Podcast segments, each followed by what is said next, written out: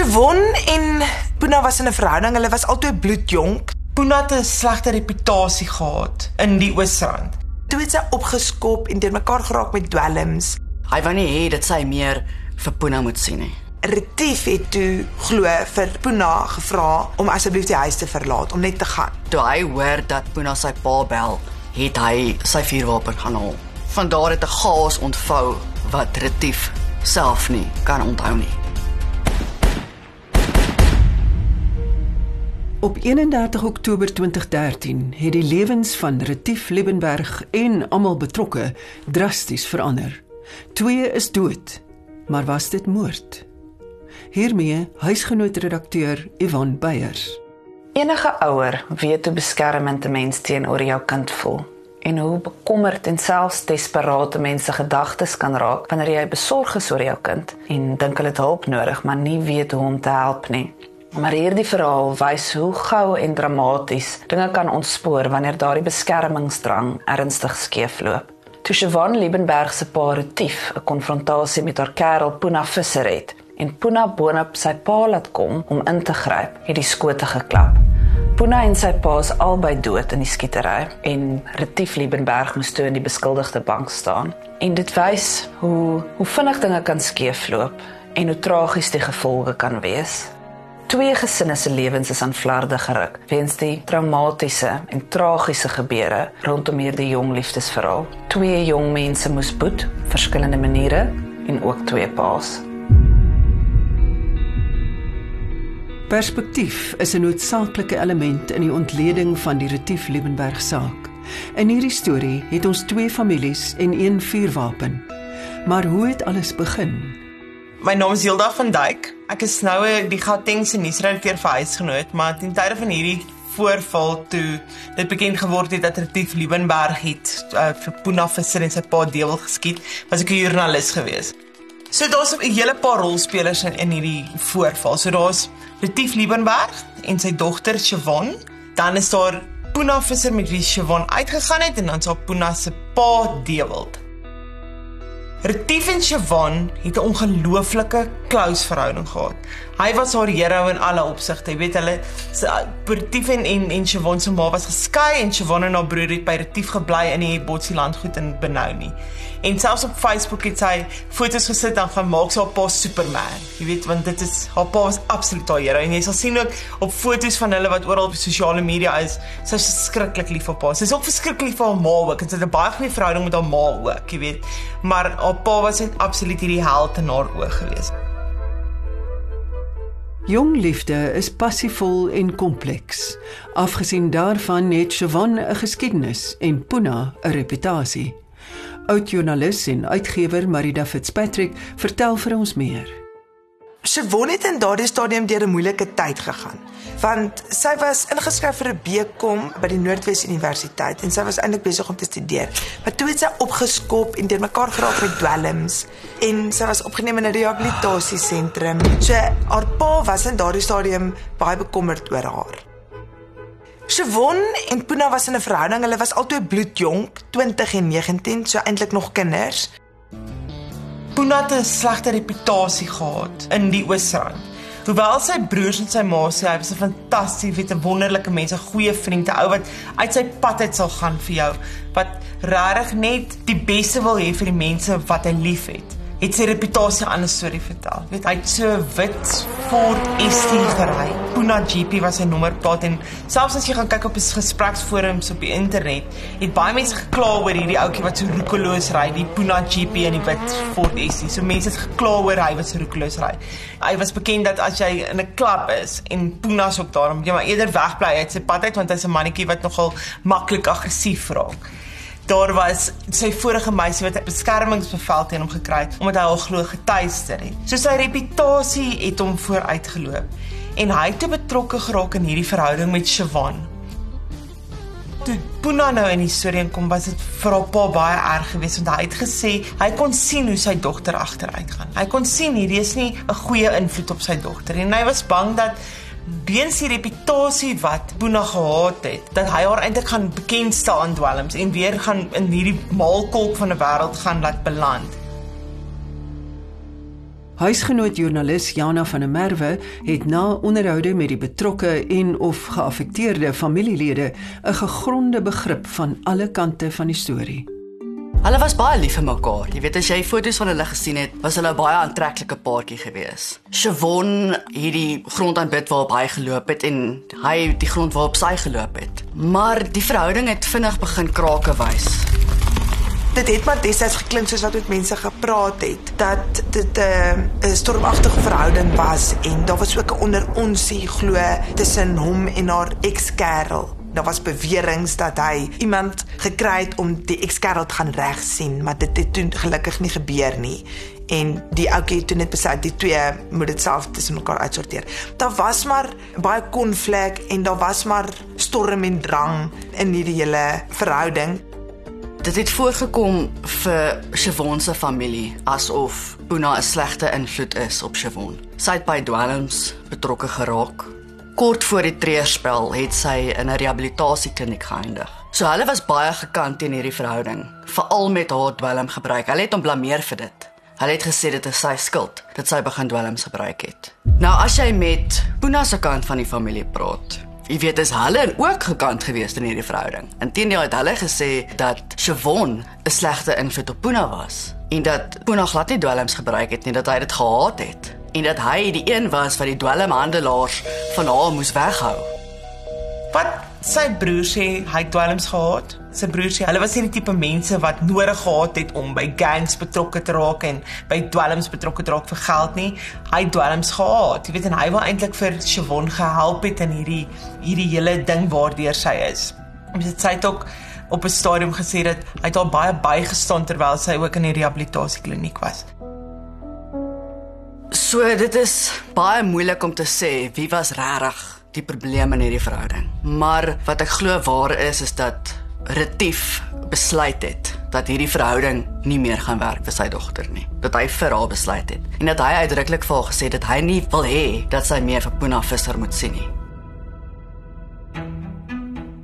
Retief en Shavon het 'n baie nabye verhouding gehad. Hulle was baie lief vir mekaar. Ek dink sy was sy oogappel en hy was natuurlik baie beskermend oor haar, soos enige pa maar is, maar ek dink in hierdie geval was hulle um, uitsonderlik na aan mekaar en was hy uitsonderlik bekommerd oor haar, juis omdat sy haar studies opgeskop het en in 'n rehabilitasiesentrum was. En hy het gevoel hierdie ouetjie is nie in die stadium goed vir sy dogter nie. Ek dink wat hy vir sy dogter wou hê was stabiliteit en ek hy wou gehad het sy met haar studies hervat. Daar was sprake dat hy wou gehad het sy met die volgende jaar weer by Tikkies inskryf om weer te studeer. En ek dink hy wou net gehad het hierdie verhouding moet eindig. So hy wou 'n hofbevel kry. Retief het aanvanklik probeer om regstappe teen Puna te neem, maar min het hy geweet dat dit net die begin was. Kliniese sielkundige en profielsamensteller professor Gerard Labeskagni deel sy kennis oor al die betrokke regs- en besluitnemingsprosesse wat plaasgevind het. So, in terms of the Domestic Violence Act, it's usually, of course, the person who is the victim of the abuse who would be the one applying for the protection order. But the Act does allow for people that has a vested interest in the well-being of someone else that they can take out a protection order for another individual. How practical that is, I'm not too sure. And of course, if the person who it's supposed to protect isn't going to abide by the protection order, for example, by having contact with the abusive person, then of course the protection order in, in, a way is rendered null and void if you're not going to sort of do your part when it's granted to you by not having contact. It's not something you can put in your back pocket, go on with the relationship, and when you want to, you whip it out and get him arrested. It doesn't work like that. Vir 'n tief, hy wou nie eintlik sy dogter beskerm. En dis wat enige pa wil doen. Enige pa wil sy kind en enige ma ook wil hulle kind teen die sleg van die lewe wil hulle beskerm. Die sleg wat hulle glo is sleg. Retief en Shavon het in 'n uh, huis gebly in 'n veiligheidslandgoed. So dit was baie veilig en baie beskermd. Maar Shavon en Puna het in daardie stadium 'n verhouding gehad. Sy het paar gekuier. Op die dag van die treurspel, 31 Oktober 2013, het die dag eintlik soos enige gewone dag begin.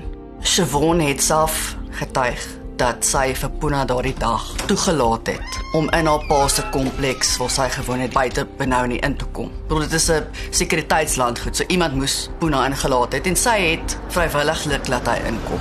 En hy het blykbaar die dag daar spandeer Maar toe Retief by die huis kom en vir Puna daar vang, was die los. Retief is glad nie genee daarmee dat Puna nou in sy huis in sy dogter se kamer is nie, nadat hy gesê het hierdie verhouding is nou klaar.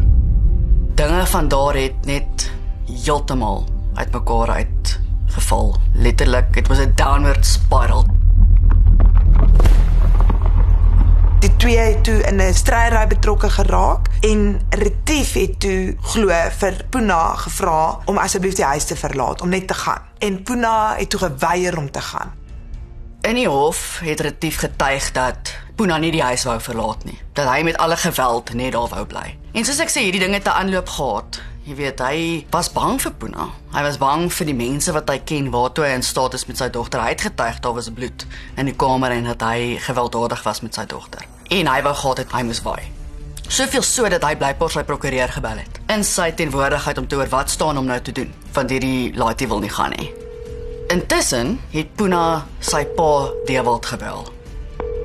Maar Dewald, moet mens ook sê, was onder 'n hele ander indruk gewees. Hy was onder die indruk sy seun word gijslaer gehou in hierdie huis. So waar Retief gedink het sy dogter is in gevaar, het Dewald gedink sy seun is in gevaar en hy word gijslaer gehou en dat hy nie daar kan uit nie. Toe Dewald daar aankom saam met 'n vriend, was Retief reeds gewapen. Retief, toe hy hoor dat Puna sy pa bel, het hy sy vuurwapen gaan haal. Wat vir my sê hy het geweet, jy weet hier kom moeilikheid. En dat as die moeilikheid gebeur, moet hy gereed wees daarvoor. So, of course, the question is he put the gun, I think, on top of the fridge, or he had it out or prepared prior to these people arriving. Does that mean he wanted to kill them? I don't, I don't think you can make that conclusion. You have two people who, as far as I understand, were not the nicest of people. They might have had sort of some underground uh, connections, etc perhaps have a history of violence behind them. Um, I don't blame him for taking out a firearm and having it available should he need it. Of course, the prosecution might argue that that shows he planned to do this. Uh, otherwise, it's the same argument. You know, if you live in a high crime area and you put your firearm on your bedside table and a housebreaker breaks in and you end up shooting them, did you plan to murder that housebreaker that night? So I don't think his actions in terms of taking precautionary measures for self defense should automatically be extrapolated to say, see, he did intend to shoot them that night. Daar's verskillende weergawe wat wat gebeur het in daai huis. Maar wat die hof aanvaar het is dat Dewald senior en die vriend vir hom wat retief is aangeval het. En op daardie oomblik het Shavon so geskrik dat sy flou geval het. En dit is volgens die getuienis dat Puna ook ingespring het en vir retief aangeval het.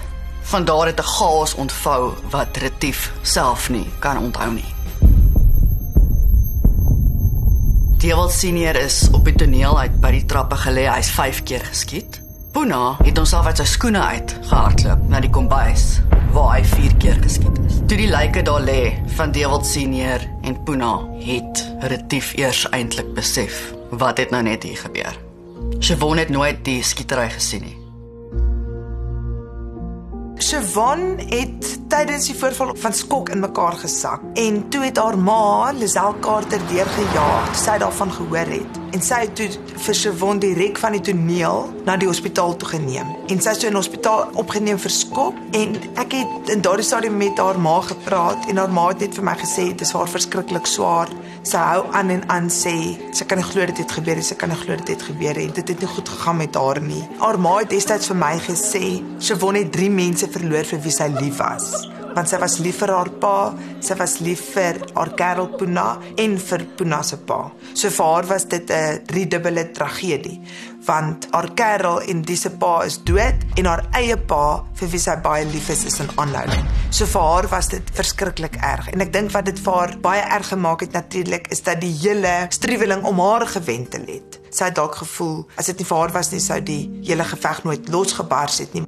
En haar ma het ook vir my gesê, sy was ook in daardie stadium baie bekommerd oor Siobhan. Hulle het gevoel in daardie stadium hulle is besig om 'n stryd te wen en hulle het haar uit die dwelms gekry en hulle het haar in 'n rehabilitasiesentrum gekry wat suksesvol was en sy het gevoel sy is suksesvol gerehabiliteer en ek dink wat dit vir hulle baie erg gemaak het is Hulle het gevoel sy's op die pad van herstel. Hulle was positief dat hulle haar uit daardie vriendekring gekry het, uit haar betrokkeheid met dwelms gekry het en dat sy op 'n beter nuwe pad was en hulle was van plan om haar die volgende jaar by Tikkies in te skryf sodat sy haar studies kan hervat.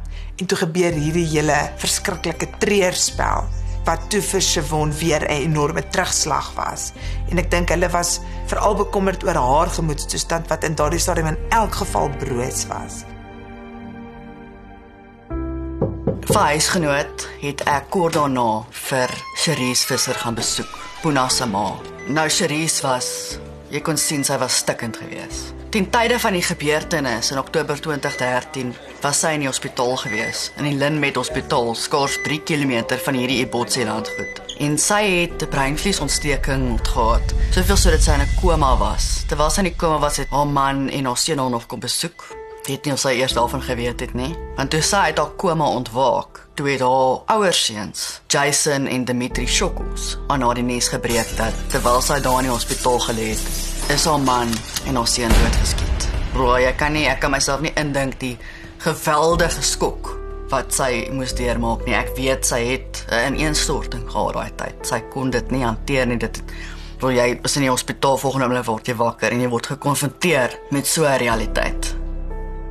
Puna was Dewald en Cherie se enigste kind. Jason en sy broer Dimitri was Cherie se kinders uit 'n vorige huwelik uit en hulle pa is al toe hulle jonk was was is hy dood in 'n motorongeluk. So toe Dewald nou in die prentjie kom, toe hy hierdie twee seuns as sy eie aangeneem. Weet saam met Puna het hulle alles doen. Hulle het gaan visvang en hulle het gaan motorreisies kyk en ag alles wat 'n pa met 'n seun sou doen en Jason het ook vertel hoe sy pa eintlik maar hart van goud geword het. Jy weet hy was 'n man wat opreg was, 'n man wat enigiets vir sy gesin sou doen, 'n man wat gek was oor sy kinders. Weet hy hy het vir Jason en Dimitri as sy eie groot gemaak. Dit was nooit 'n kwessie van dis my stiefseuns en Puna's alles nie. Hy het die drie hy saam as sy eie groot gemaak. En hy was verskriklik lief vir hulle.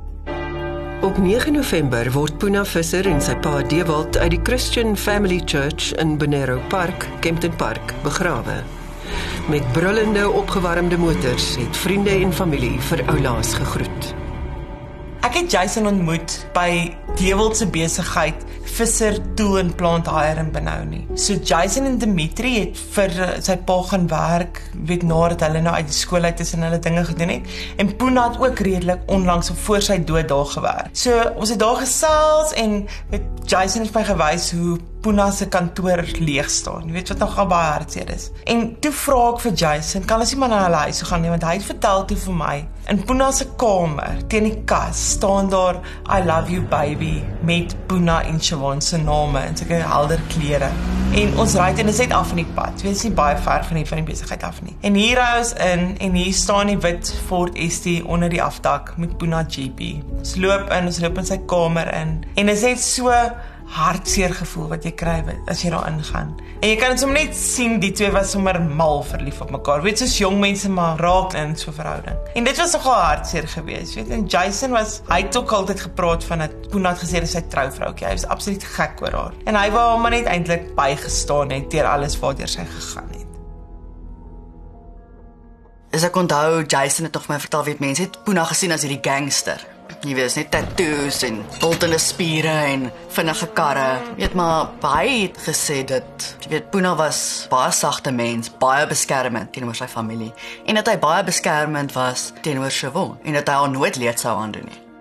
En Jason sê ook wat daai aand gebeur het weet hy nie. Maar wat hy wel weet, is dat Puna was 'n man wat sy man kon staan. Hy kon, weet, hy kon homself uit 'n ding uit kry. Hy's nie 'n ou wat jy sommer aangevat het nie. Dis ook weet waar die reputasie vandaan kom. En Jason het gesê Puna sou nie sy pa gebel het as dit nie nodig was. As hy nie regtig hulp nodig gehad het nie. Op 8 November 2013, tydens sy borgtog aansoek, sê Retief in 'n verklaring dat hy skuld gaan ontken, want hy het uit selfverdediging opgetree. Na die voorval is Retief Liebenberg in hegtenis geneem en hy was in aanhouding en kort daarna het hy aansoek gedoen om borgtog. Hy het sy weergawe gegee dat hy's aangerand in sy eie huis. Hy en sy gesin is bedreig in sy eie huis en hy het uit noodweer opgetree en uit selfverdediging en Puna en sy pa doodgeskiet omdat hulle hom en sy gesin kom bedreig het in sy eie huis. By die borgverhoor was Retief se familie en vriende daar om hom te ondersteun. Iemand wat in daardie stadium ook sy verloofde was, was ook daar om hom te ondersteun. En almal was geweldig ondersteunend en almal het Retief beskryf as 'n saggeaarde man wat nie aggressief was nie. Niemand daar het hom beskryf as iemand wat geneig is tot aggressie of tot geweld nie, glad nie. Almal het destyds hom beskryf as 'n gawe, vriendelike, saggeaarde man. En ek kan onthou ek het destyds ook gepraat met 'n ex-kerel van Chavon en hy het hom ook beskryf as 'n gawe oom wat nooit aggressief was teenoor hom nie. So die konsensus destyds was dat Retief Liebenberg nie 'n aggressiewe man was nie en dat hy regtig moes vrees vir sy eie lewe en vir die veiligheid van sy familie om tot sulke drastiese stappe oor te gaan. Ek het ook destyds gepraat met iemand wat al twee families geken het, wat 'n sake wat sake gedoen het met Retief Liebenberg en wat die vissers ook geken het. En die man het vir my gesê dis so moeilik want hy ken albei mans en en hy het goeie verhouding gehad met albei mans en hy kan niks sleg sê van van enige van hulle nie. En sy gevoel was dat dit maar nou maar net 'n 'n slegte sameloop van omstandighede was wat wat gebeur het en tot hierdie voorval gelei het. Ek dink Siobhan was in daardie stadium baie in twee geskeur. Want sy was verskriklik lief vir haar pa en hulle was ontsettend na aan mekaar en sy het ook op Facebook geskryf met haar pa se verjaarsdag hoe baie lief sy vir hom is en hoe naby sy aan hom voel. Maar sy was ook lief vir Puna en ek dink wat gedemonstreer het hoe sy in twee geskeur was was dat 'n paar dae na die voorval sy haar profielfoto verander na 'n foto van haar en Puna in 'n liefdevolle omhelsing wat wys dat sy ook lojaliteit gevoel het teenoor Puna, maar terselfdertyd het sy haar pa bygestaan want sy was geweldig lief vir haar pa en na haar pa en is natuurlik nog steeds. So ek dink dit was vir haar baie moeilik want haar pa is in aanhouding en word aangekla van die moord op Puna, haar kerel vir wie sy lief was en sy is lief vir al twee hierdie mans.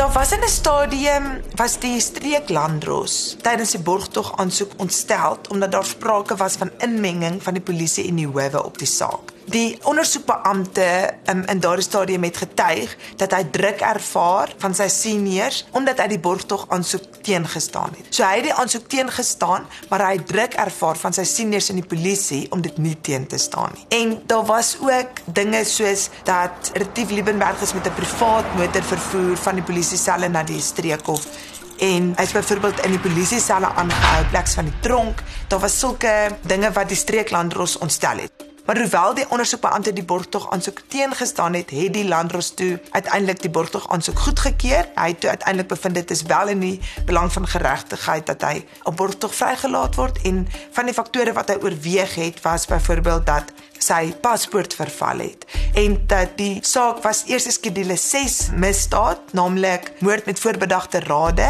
en na Shewon se verklaring is dit toe verander na skedule 5 wat moord is nie moord met voorbedagte rade nie. So retief het uiteindelik word tog gekry al was die streek landros baie ontstel oor hierdie beweerde druk en in en inmenging In November 2015 begin die verhoor in die Noord-Gautengse Hooggeregshof in Pretoria. Retief se verweer van selfverdediging wat doelbewuste optrede behels, het oorgegaan in 'n verweer van dissosiasie. So, in this particular case, the defense was what we call non pathological criminal capacity. But really, what that is, is a situation where you are so overwhelmed by psychological pressures that it robs you of your ability to determine right from wrong and act in a way you would normally act. But it's not because of pathology. It's not because of schizophrenia or other kind of mental illness. That's why they call it non-pathological criminal capacity. If, for example, you had schizophrenia and you heard voices and the voices told you to stab someone, that will be pathological criminal incapacity.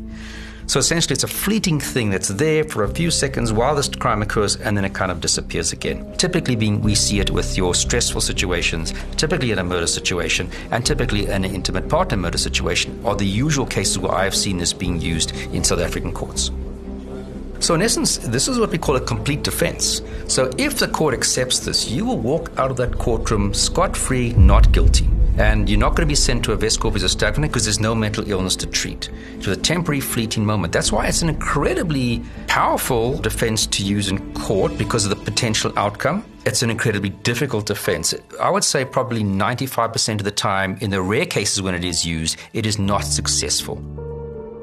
Volgens die verdediging se getuie, professor Jonathan Scholes, hoof van kliniese sielkunde by die Weskoppies Hospitaal, het verskeie toetse en onderhoude getoon dat Liebenberg met die skietery aan traumatiese geheueverlies gely het. Dit was destyds nogal 'n ingewikkelde storie omdat daar twee totaal verskillende weergawe was. Volgens die Liebenberg se weergawe was Puna reeds daar en die pa Dewald Visser en Rako het daar aangekom en volgens die Liebenberg se weergawe het hierdie mans hom begin aanrand. Volgens die vissers se weergawe destyds vir die hof, het Dewald Visser vir Retief Liebenberg net een vuishou gegee en daarmee was die saak afgehandel. En volgens hulle wou hulle toe nou loop en die huis verlaat. Maar volgens hulle het Retief toe nou 'n vuurwapen gaan haal en het Retief agter hulle aangegaan en hulle daar doodgeskiet. Maar die hof het toe duidelik Retief se weergawe aanvaar. In die hof het Chavon ook getuig dat sy was in 'n verhouding wat haar pa nie goed gekeer het nie. Sy was in 'n verhouding waar sy nie eintlik noodwendig gelukkig was nie. Daar was nie fisiese mishandeling nie, maar sy het gesê Puna was baie jaloers, sy was baie besitlik. Sy moes heeltyd antwoord waar sy was.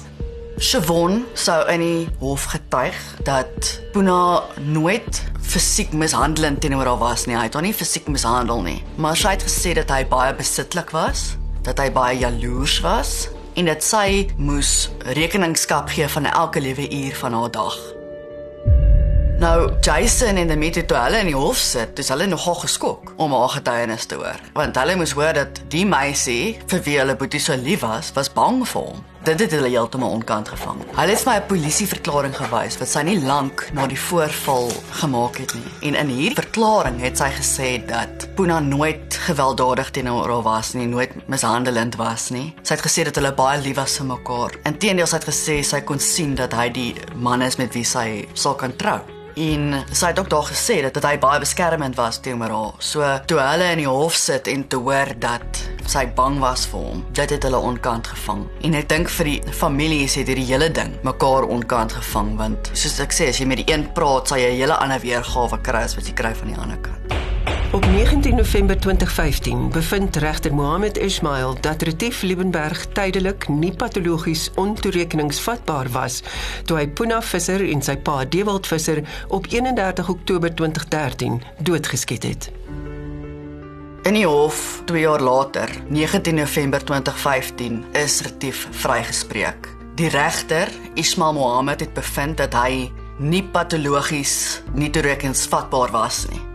Intien hy die vraag gevra, het die beskuldigde in daardie kritieke oomblik van skok outomaties opgetree. En as hy outomaties opgetree het soos 'n robot en hy ontneem was van enige onafhanklike denke, kan mens bevind dat hy die opset gehad het om hulle te vermoor of dood te maak.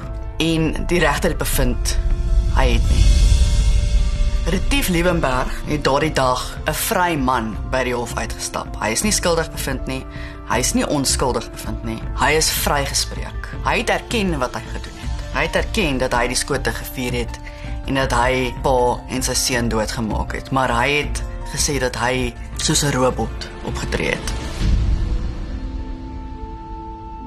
Cherise het ten tye van die onderhoud vir my vertel, vir hulle het dit gevoel toe dit vrygespreek word asof hulle weer begrafnis hou. Dit het vir hulle letterlik, hy het my gesê dit voel asof ons hulle weer begrawe. 2 jaar later en ek onthou Cherise woorde aan my was, weet jy wat, tot vandag en dit was toe 2 jaar later. Het Retief Lewenberg nog nie soveel as 'n oproep aan my gemaak nie, 'n bossie blomme gebring nie. Ek het nie eers 'n ag shame gekry nie. So ek kon sien daar was baie verwyte vir Cherise dat haar man en haar seun op so 'n wyse van haar ontneem is. Hierdie ding het 'n lang aanloop gehad en die dag self het 'n sameloop van omstandighede gehad en dit was uiteindelik 'n perfekte storm gewees wat in daai huis gebeur het. Wat ek glo nie persoonlik een persoon het daardie dag reg opgetree nie. Ek bedoel terretief homself gaan bewapen. Het hy reeds moes voorsien hier kan 'n gevaarlike situasie ontstaan. Jy weet, in Jason het daai vraag gevra, "Hoe moet hy die huis toegesluit nie? Moet hy die polisie gebel nie? Hoe moet hy die sekuriteit gebel nie?" Hier kom Dewald senior aan. Hy dink sy seun is in gevaar. Sy seun kan nie uit hierdie huis uit nie. En hier ontstaan die onverwendbare konflik tussen twee paas en Jason het altyd vir my gesê hy glo as Puna regtig wou moeilikheid maak, Sy het nie sy pa gebel het nie. Hy sê nou het hy vir ons gebel, sy ouer boeties. So Retief het geglo dat hierdie mense kom nie hier aan om iets uit te praat nie. Hulle kom hier aan om dit met hulle vuiste uit te sorteer. Waar hy nie regtig mekaar geken nie, want Jason sê sy pa was nie iemand om iets met sy vuiste uit te sorteer nie. Inteendeel, dis hy het waarskynlik sy pa gebel omdat hierdie iets was vir twee paas om uit te sorteer. Ek dink die hele tragedie kon heeltemal anders uitgespeel het, maar ongelukkig het dit nie. Retief het daai tyd vir my gesê dat daar's geen wenners hier nie. Jy weet, Puna en sy pa het hulle lewe verloor, maar hulle lewens gaan ook nooit weer dieselfde wees nie. Ek weet met Cherise wat haar man en haar seun verloor het en haar woorde aan my was, maar Jana, hy was maar nog net 'n kind. Weet haar lewe sal nooit weer dieselfde wees nie. Ek bedoel, sy moet huil oor haar seun en haar man, oor wie huil jy? Sy het alles verloor. Deelwild sien hulle het 'n paar besighede gehad. Ek weet hulle het 'n wildsplaas gehad, hulle het ook staalwerke gehad en jy weet in met die toe hy net een slaps die broodwinner uitgewis is. Toe skielik moes sy die kop bo water hou en die die verbande en die uitgawes het agter geraak en uiteindelik het sy alles verloor. Sy het alles verloor. En is regtig, dis regtig baie hartseer dat dit so uitgewerk het want dinge kon soveel anders gewees het. Daar is min dinge wat 'n pa nie sal doen om sy dogter te beskerm nie. Wanneer gaan jy te ver en wanneer gaan jy net ver genoeg? Twee gesinne vernietig in een middag. 'n Storie sonder 'n wenner, maar vol waarskuwings. Ek is Ruda Landman en dit was huisgenoot se ware lewensdramas.